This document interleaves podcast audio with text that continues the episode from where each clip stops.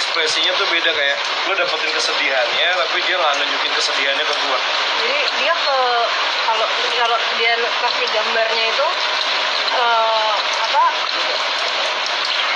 sebenarnya dia kesusah sama yang seharusnya jadi suami dia. Gitu. yang jadi yang seharusnya jadi suami dia itu eh, ditangkap sama Belanda. Tapi se dia cinta banget sama si cowok ini jadi dia sampai gimana caranya dia tahu suaminya tuh di captive di captive apa ya di penjara. Terus? Salah satu tahanan kayaknya di museum Fatahillah